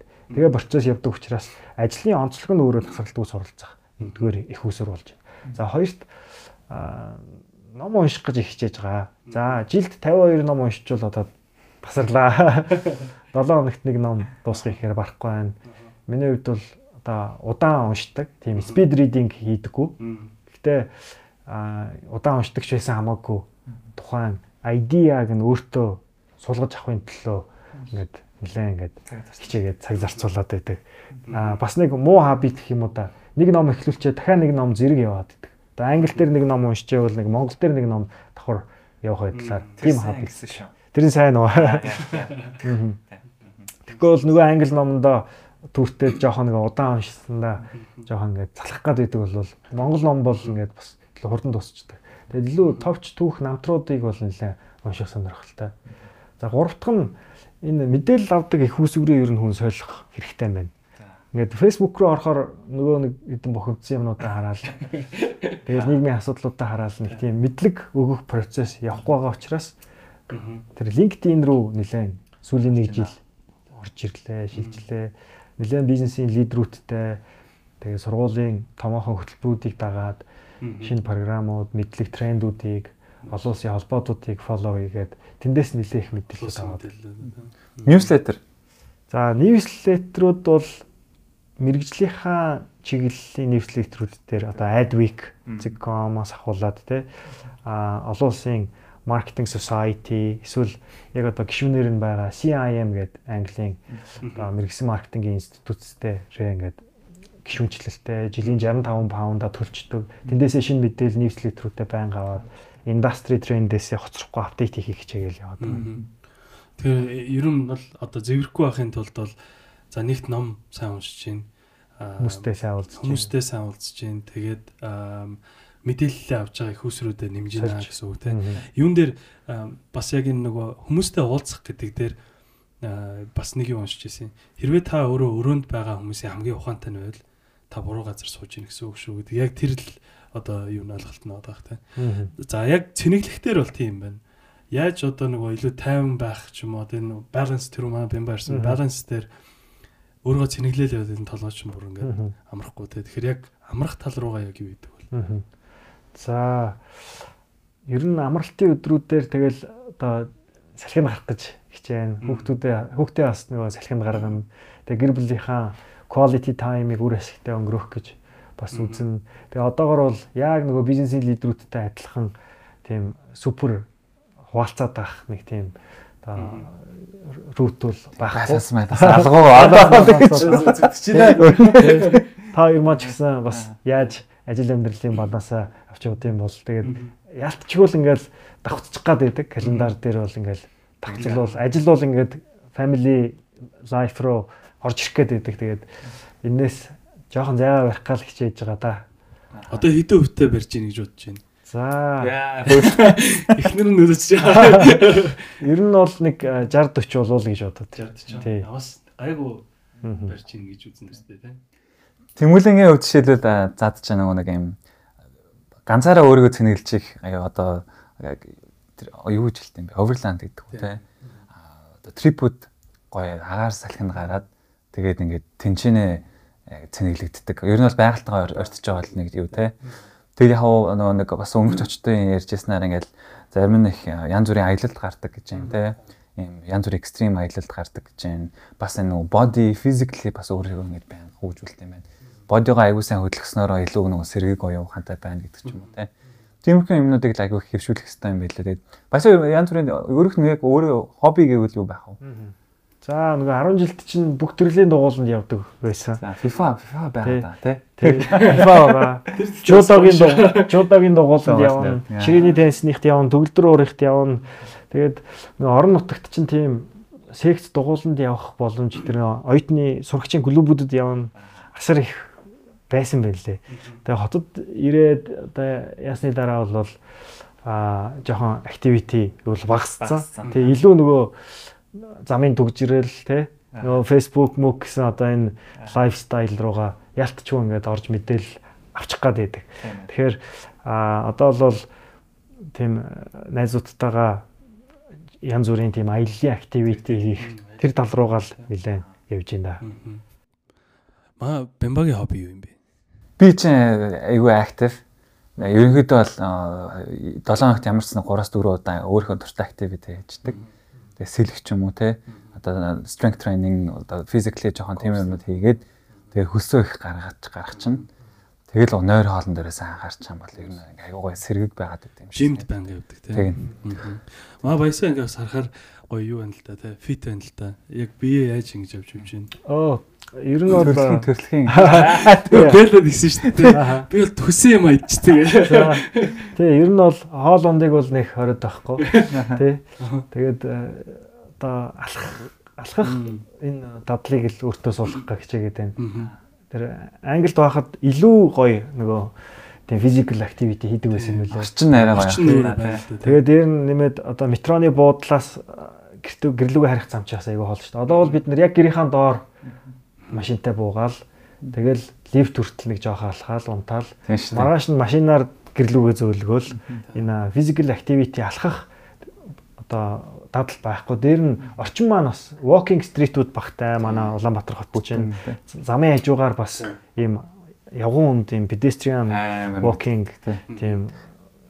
юм бол бас асар багтай. Тэгээ сая ийсэн хүйтэн нөхцөл байдлаас болоод алхаж чадахгүй байгаа даа. Тэгээд Одоо ихтэй нөгөө нэг баясагийн ажилтг салбар бас амар их нэг rejection ихтэй. Тийм үлэн. Тэгэхээр нөгөө ерөнхийдөө reception-аас ахвалаа гэж төрөн бүр эхэлчихсэн шүү дээ. Үгүй гэж амар хэлдэг. Тэгээд тийм дээр бас нөгөө нэг янз бүрийн буруу төсөл явуулна.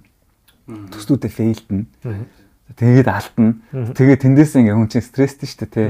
Тийм стресс менежментийг бас ер нь яаж давж ив. Тийм том том кейсүүд байсан уу? Амар сэтгэл одоо сэтгэл готролын гэх юм чинь готролын жаашин зөвөр нь аюу их стресс аюу өндрөөр авсан. Тийм memory-д чинь байгаа кейсүүд байсан болцоорой тийм. Аха. Одоо нөгөө creative industry-да яг нөгөө full time ажиллахгүй байгаа болохоор а тиймэрхүү юмнууд бол багасчлаа. Яг нөгөө өөрөө CEO байх хугацаандаа бол тийм кейсүүдтэй бол өдрө болгон тулгарна. Тэгээд тэрэн дээр бол даруй арга хэмжээ авахгүй л бол одоо энэ маркетинг индастри чинь бол ингээд асар хурдтай нэг контент бол ингээд түгэл явчих штэ. Нэг жишээ дуртахад бол манай одоо нэг хаусын багийнхан те нөгөө өнгөрсөн 100 баха нэг архины брэнд төр нөгөө октод архийг ингэж сканаар ууд юм байж таа гэд. Тэр бол бас нөгөө зураг авалтан дээр коктейлний өнгө нь спирттэй адилхан харагдаад. Тэгээд ингээд нэрийг хэлж байна. There's never bad marketing гэдэг тэр орог явсан байна тий. Тэгээд хүмүүс нөгөө вау ингэж явах хэвээр байх шүү гэдэг байдлаар тий. Ингээд бас явчихжсэн. Тэгэнгүүт бас ингээл тоо ит чинь ингээл энэ одоо хаашаа ирэх нь үү тий. Энийг бас удирдах хэцүү шттэ нэг олон нийтэд нэг тавьсан контентыг. Тэгээд тэрэн дээр бол нөгөө crisis management-ийн сайн баг ажиллах хэрэгтэй. Бид нар үргэлж нөгөө артлын контентын араас ямар юунууд гарч ирж болох уу гэдгийг мэдчих хэрэгтэй. Тэгээ энэ өөрөө эргээд тухайн багийнхан маань суралцах процесс явагдах юм тий. Тэгээд одоо бол стрессийн төвшин бол харьцангуй эргээд багасчлаа. Аа одоо энэ англи хэл сурах гэж их стресстэй байсан байна. Анх 7 настайдаа ABC-гээс цаашгүй байж 17 настайдаа нэг хэд үг цээжлэхээс цаашгүй байж. Тэгээ ингээ 27 настайдаа л англи хэлийг бол яг properly жоохон ингээ нэг өгүүлбэр холбоод одоо яриад тий нэлээд тийм нөгөө англи мангли яваад ирсэн чинь нөгөө нээж нээлттэй болж ирсэн байна л да. Тэгээд боловсролын салбарт нэг venture одоо бас хамтран үүсгэн байгуулад явж байна. Энэ нь болохоор яг тийм хүүхдийг багаас нь англи хэл сургах зорилготой. Англи хэлтэй хүүхдийн цэцэрлэг нийцсэн тий хамтран үүсгэн байгуулаа явж байгаа. Энийг явандаа бид нар ингээд Монгол улс даяараа англи хэлний боловсролыг өргөн дэлгэр суралцгүйц хэмжээнд хүртээмжтэй боловсрол болгох зорилгоор ажиллах гад одоо явж байна. Тийм шүү дээ. Хэл хэл аягүй чухал те. Харин тий хэл бүр амар би бас яг асууя гэж бодож ирсэн яг гоё хэлжлээ. Төрөний стресс менежмент дээр нэг ганцхан өсөж. За ерөнхий яг энэ бодлогын хүрээнд ч юм уу компани удирдах юм дээр стресс менежментийг бол одоо стратегиэр ингээд даргалах ч юм уу те ингээд риск менежмент хийчихэж байгаа те. Яг хувь дээрээ стрессийг яг яаж тайлж байна. Одоо би жишээлбэл нөгөө EQ гэж яриад байдаг те EQ менежмент төр би бол амар муу байсан гэж боддог. Тэгж байгаа одоо сүүлд ингээд хичээгээд сурах байгаа юм. Төргөө уурыг яаж ингэж одоо өөрөө менеж хийх вэ гэдэг дээр 5 минут ингээд төвчдөг. Тэр юу ингээд ба баар сурах гээд үзээд байгаа байхгүй. Бүрэн сураагүй л байгаа. Гэхдээ тэрийг ингээд амар хичээж яа тэгэхээр дийлэнх ууралсан юм 5 минутын дараа гэхэд заа нэг хэсвэрт юм биш байсан юм биш тэл гэж. Тэр тэрэн шиг одоо яг өөр дээр ингээд гэрүүлдэж байж болно сквал ажил дээр ч юм уу яг бэрхтэлдэг юм байгаа юу. Одоо манай багийн соёл болохоор аль болох ингээд тухайн кейсээс тухайн багийнхан асар их зүйл сурж байгаа гэдэг концепцтойгоор явдаг учраас тухайн кейс дээр аль болох нөгөө баг маань нэлээд тийм нөгөө take away ихтэй байх юм бол аль болох тийм нөгөө стресстэй айл уурлал байхгүй эрэг талаас нь хараад яаж харин энийг зөв талаас нь эргүүлж болох вэ гэдэг манай community-гийн culture гэх юм уу да. Тэгэхээр энэ бол стресстэй нөхцөл байдлыг маань бол араа өөр өнцгөөс харах боломжийг олгодог. Үнэхээр бүр болохгүй зүйл байх юм бол нэг манай клиент маань хэлж ирсэн тав тоолцоо гэдэг тий. Тэр трик тий. За за шал дими юм хэлчих чийж тий. Тав тоолчих гээл дотроо нэг тав тоолол тэгээд өнгөрсний дараа бол гайв. Өөр шүү. Миний хараа уртлаа байгаа юм байна. Би энэ дээр бас нэг юм нэмээд хэлчихээ сонсож байгаа хүмүүс сонирхолтой байж магадгүй.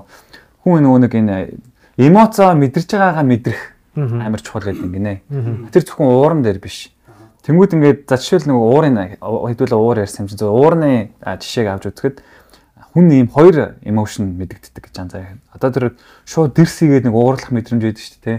Тэр бол энэ primary буюу хамгийн ихэнд мэдэгдэж байгаа эмошн байна Тэрийг нэг танингуудаа тэрний дараа нь ууралчаад нэг ичих мэдрэмж байдаг шүү дээ. Пакет аймаа гинт уурснаа. Одоо ингээ ичих мэдрэмж тэр мэдрэмжээ бас дахиад secondary emotion таньж чадах юм бол энэ хоёр руугаа ингэж фокус таних хэрэгтэй. Ингээ яг нэг тав тоол гэдэг чинь тэр байхгүй. Тэгчих юм бол яг яагаад байгаа хүн ойлгочтой юм. Тэгэхээр нөгөө нэг хариу урал үзүүлэх бодлоо арай илүү цэгнээд тэгээд тэр эмошныг ингээд гоо хүлээж авах авч байгаа байхгүй. Тэгснээрээ илүү юм янз бүрийн амьдрал амар их баярлсан дээр ч гэсэн бас адилхан. Амар стрессэг зайтлах яг энэ бүхнийг мэдэрч чадах юм бол а эмошнтой илүү сайн харьцаад нөгөө EQ менежмент илүү сайжраад өөрийгөө бас баг бухимд болно гэсэн. Тийм гоё трип трикүүд байд юм бэл. Нэлээ хэцүү юм байна л гэж аа да. Practice хэрэгтэй. As time goes хүмүүс ингэ сураал явжлаа. Окей, nice nice. Юун дээр сүүлийн нэг манай ерөн цаг ер нь яаж гэнэ үү те? Окей, нэг нэг юм яг бүгдээрээ ингээд гоё за эхлээд яг манай баясаа маань яг хаанаас эхлэв те. Тэгээ юу хийв? Одоо юу хийж гин? Цаашдаас юу хийж гин гэдэг. Энэ дээр одоо бид тийм подкаст дээр бас нэг гол үзэж байгаа хүмүүс маань мэдээж аваасаа гэдэг юм унж болно гэдэг юу байгаа шүү дээ. Тэгэхээр өөрийнх нь хувьд яг амьдрал дээр нэг юм одоо фейлдж исэн, алдсан бизнес ч үеж болно, төсөлж үеж болно, амьдралч үеж болно. Гэхдээ яг тэрэн дээр нэг юм алдж исэн үе юу байгаа бол тэрийг бас яг яаж давж гарч исэн бол тэрийг болсон. Тэр бизнес гэдэг чинь туршилт юм аа. Туршилтыг мянган удаа хийж болно. Тэрэн дундаас нэг сайн төсөл гарч ирнэ гэдэг байгаа. Тэгэхээр маш олон зүйлийг бол туршиж үзье. Алдсан юмнууд бол байгаа. Гэхдээ эргээд хурдан босох хэрэгтэй. Тэрнээ одоо юу гэдэг алдчихлаа гэд нэг тийм дараагийн өөрийнхөө эхлүүлэх том төсөл төр ингээд барьер тавихаас илүүтэйгээр тухайн алдааг туршилт гэж үзээд дараагийн төслүүдэд хурдан эхлүүлэх нь чухал юм байна гэдгийг ойлгож авсан. Тэгэхээр бас бас нийгмийн залуу залуучууд, залуу лидерүүд маань ч гэсэн ингээд аль болох хурдан босоод илүү олон туршилтуудыг хийгээд өөрийнхөө зөв төслүүдийг олж аваасай л гэж бодож байна. Яг нэг босгосон юм уу? Одоо өөрийнх нь хийжсэн бизнесээс фейлдж хийсэн бизнес байгаа юу? За байна байна. Одоо Оромг нь ер нь нэрээ фейлдсэн үү? Оромг бол тухайн цаг үеийн маш сайн pocket money болсон. За их сургуульд бас эхлүүлсэн нэг төсөл Dream Book гэдэг ном түрээсийн үйлчлэгээний project бол баг сургалтын 4 жилийн төлбөр фандинга маш амжилттай хийж чадсан төсөл байсан. Аа тэгээд тэрнээс хойшоогоо одоо ингээд алдсан төслүүд бол байна. Одоо бизнесийн энэ нөгөө өрсөлдөөнтэй энэ орчин судалгаагаа дутуу явуулснаас болж хитрхи за чадандаа гэж бодсон зүйлүүдээсээ ингээд алдсан зүйлүүд бол байгаа. Гэхдээ харамсахгүй байгаа. Дахиад илүү том дүр зургаар харах хэрэгтэй байна. Илүү сайн судалгаа хийх хэрэгтэй байна гэж үзээд дараа нь дахиад эхлүүлнэ л гэж бодоод байгаа шүү дээ. Майндсет нь тийм байна тий. Тэгэхээр бас гоё майндсеттэй гэсэн үг. Зарим хүмүүс ч бас нэлээд хүн дээр хүлээж аавн зарим нь ингээд гिचдэг ч юм уу тий. Тэг янз бүр байдаг. За за ингээд ер нь өндөрлөж байна тий. Тэгээд энэхүү баясгаланда хоёрын бас подкастт хүрэлцэн ирж хамтдаа нэг хэсэгхэн хугацааг бас өөрөө хүнтэй цагийг зарцуулсанд баярлалаа. Тэгээ аюу бас мундаг хөдөлмөрч залуу байна. Өшөөх ажлын амжилт хүсье. Тэгээд энэ гоё цаашдаа хийгдэж байгаа том төслүүдтэйгээ бас холбоотой байгаарай. Тэгээд амжилт хүсье. Тэгээд манай подкасттай бас хамтаагаарай. Баярлалаа.